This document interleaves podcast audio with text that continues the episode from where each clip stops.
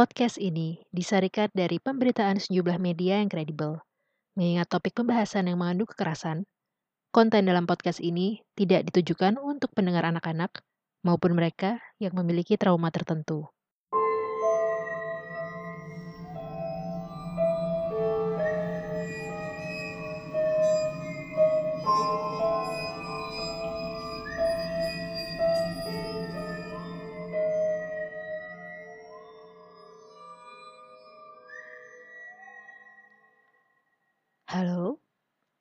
Selamat datang di Catatan Kriminal episode pertama. Di episode perdana ini, saya memilih sebuah kasus yang secara pribadi membuat saya banyak bertanya, kok bisa ya? Kok bisa ya ada seorang yang begitu tega untuk membunuh kekasihnya sendiri? Orang yang harusnya paling ingin dia lindungi. Dan justru banyak orang yang membantu pelaku untuk melarikan diri dan menyembunyikan jejaknya.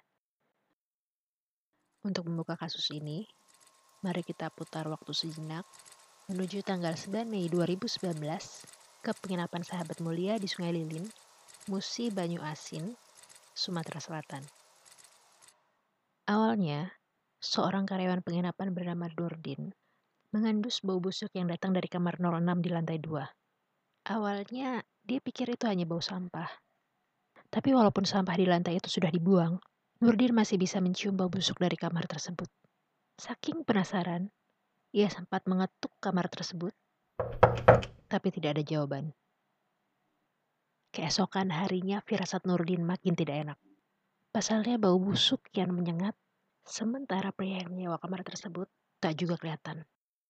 Nurdin akhirnya melapor ke RT, RW, dan kepolisian. Pintu kamar akhirnya dibuka. Sesosok jenazah wanita tanpa busana ditemukan dalam kasur spring bed penginapan dengan kondisi tangan kanan terputus.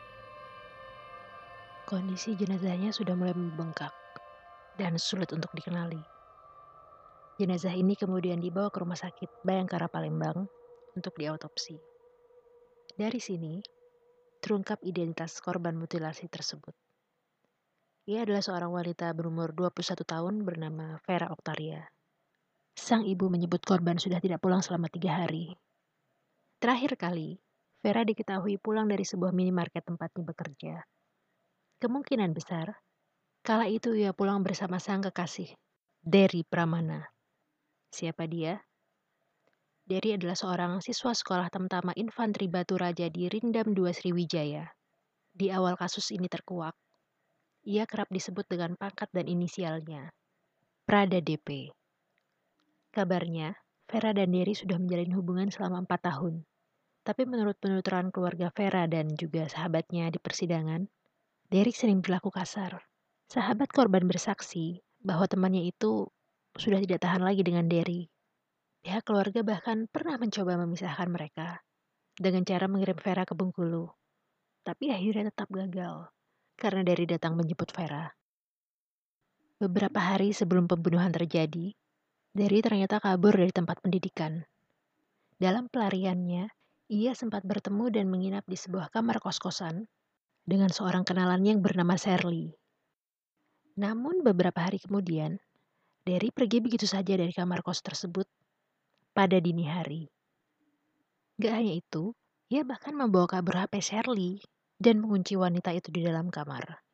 Tanggal 7 Mei 2019, Derry Pramana menjemput Vera dari tempatnya bekerja di sebuah minimarket yang terletak di Jalan Sudirman, Palembang. Dengan sepeda motor milik korban, keduanya berboncengan menuju Musi Banyosin, Sumatera Selatan. Karena saat itu adalah bulan Ramadan, mereka sempat mampir ke sebuah restoran untuk sahur sekitar pukul 1 dini hari. Derry lalu mengajak korban untuk mampir ke rumah tantenya tapi setibanya di daerah Sungai Lilin, Derry justru mengaku lupa alamat rumah tantenya. Karena sudah malam, ia kemudian mengajak Vera untuk bermalam di sebuah penginapan. Malam itu, keduanya sempat terlibat cekcok. Pemicunya, Derry tak bisa membuka ponsel milik korban. Padahal sebelumnya mereka sepakat bahwa sandi ponsel masing-masing adalah 09 1914. Ini merupakan tanggal jadian mereka. Derry curiga Vera mengkhianatinya. Keduanya akhirnya ribut besar.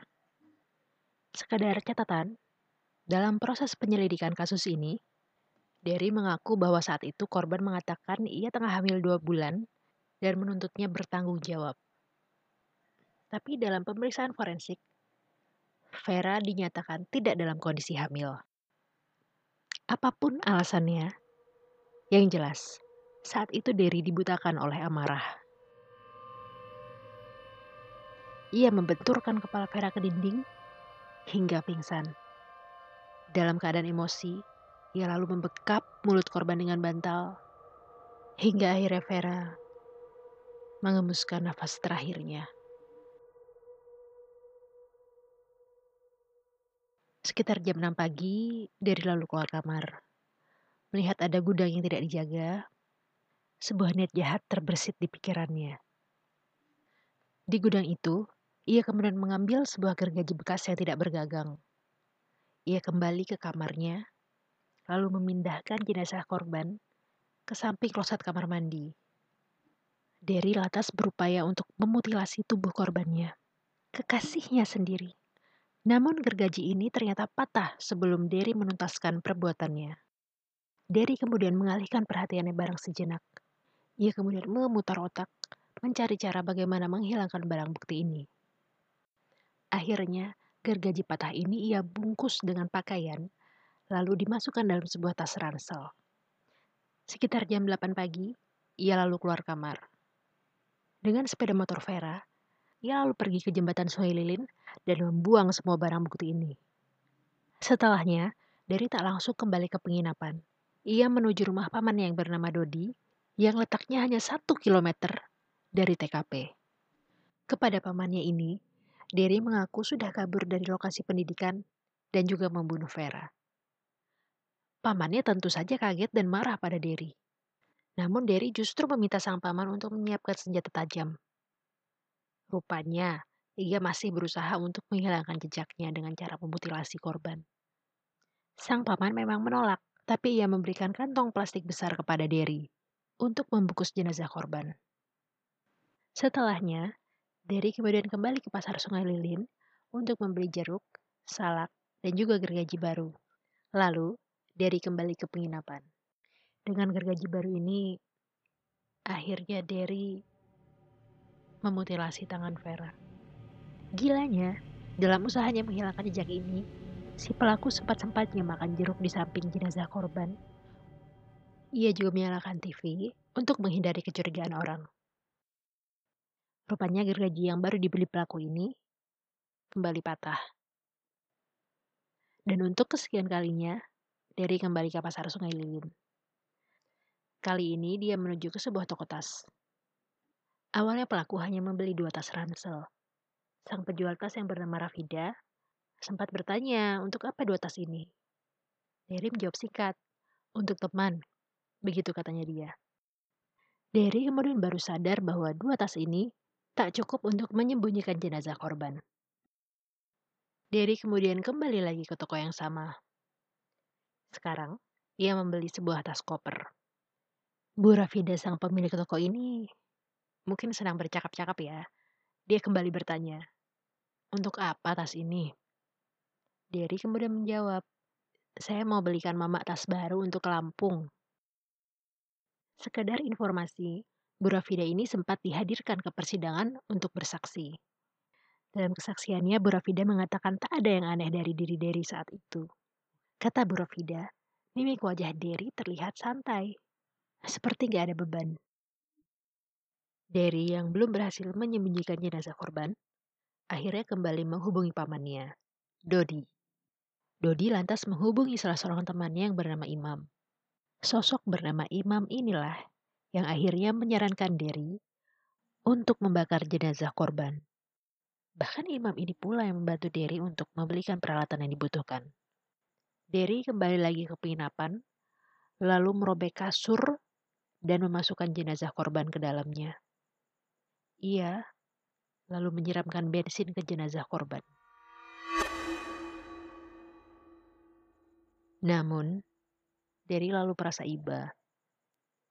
Ia berpikir untuk membatalkan perbuatannya ini.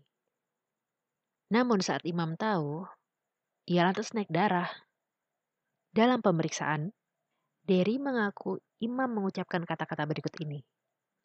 Masa sudah diajari masih nggak bisa? Akhirnya, Derry menjalankan aksinya. Ia menyalakan obat nyamuk bakar, lalu mengaturnya agar bara api bisa memercik dan membakar jenazah korban sehingga menghilangkan jejaknya. Setelah itu ia meninggalkan kamar dan tak kembali lagi ke TKP. Untungnya obat nyamuk ini tak bekerja sebagaimana rencana jahat Imam dan Derry. Sehingga beberapa hari kemudian, jenazah korban berhasil diidentifikasi. Pelaku lantas kembali ke rumah sang paman dan bertemu dengan imam. Mereka lantas berembuk. Apa yang seharusnya dilakukan dengan HP dan motor milik korban? Akhirnya diputuskan bahwa HP milik Derry dan Vera dilempar ke atas truk yang sedang melintas. Tujuannya jelas, yakni untuk menyulitkan pencarian jejak sang pelaku. Setelahnya, tante Derry yang bernama Elsa datang dengan suaminya, Sahir, ke rumah Dodi. Saat itu Elsa masih nggak tahu soal perbuatan keponakannya. Elsa sempat bertanya pada pelaku apa dia tahu keberadaan Vera? Ini karena Vera sedang dicari-cari keluarganya. Tapi pelaku mengaku tidak tahu. Barulah dalam perjalanan pulang, suami Elsa yang sempat ngobrol bersama Dodi mengungkap perbuatan sadis pelaku. Elsa tentu saja shock, lalu menghubungi keluarga Derry untuk segera menuju ke rumah Dodi. Saat orang tuanya datang ke rumah Dodi, Derry hanya bisa menangis dan meminta maaf pada ibunya. Pihak keluarga akhirnya mengajaknya pulang. Tapi di tengah perjalanan, Dodi dan Derry tiba-tiba minta diturunkan. Sebelum turun, Dodi sempat meminta uang kepada Elsa sebesar 2 juta rupiah untuk diberikan kepada Derry. Rupanya uang ini akan jadi bekal pelaku sepanjang pelarian. Uang ini masih ditambah dengan hasil penjualan motor milik korban, yang kabarnya laku 3 juta rupiah.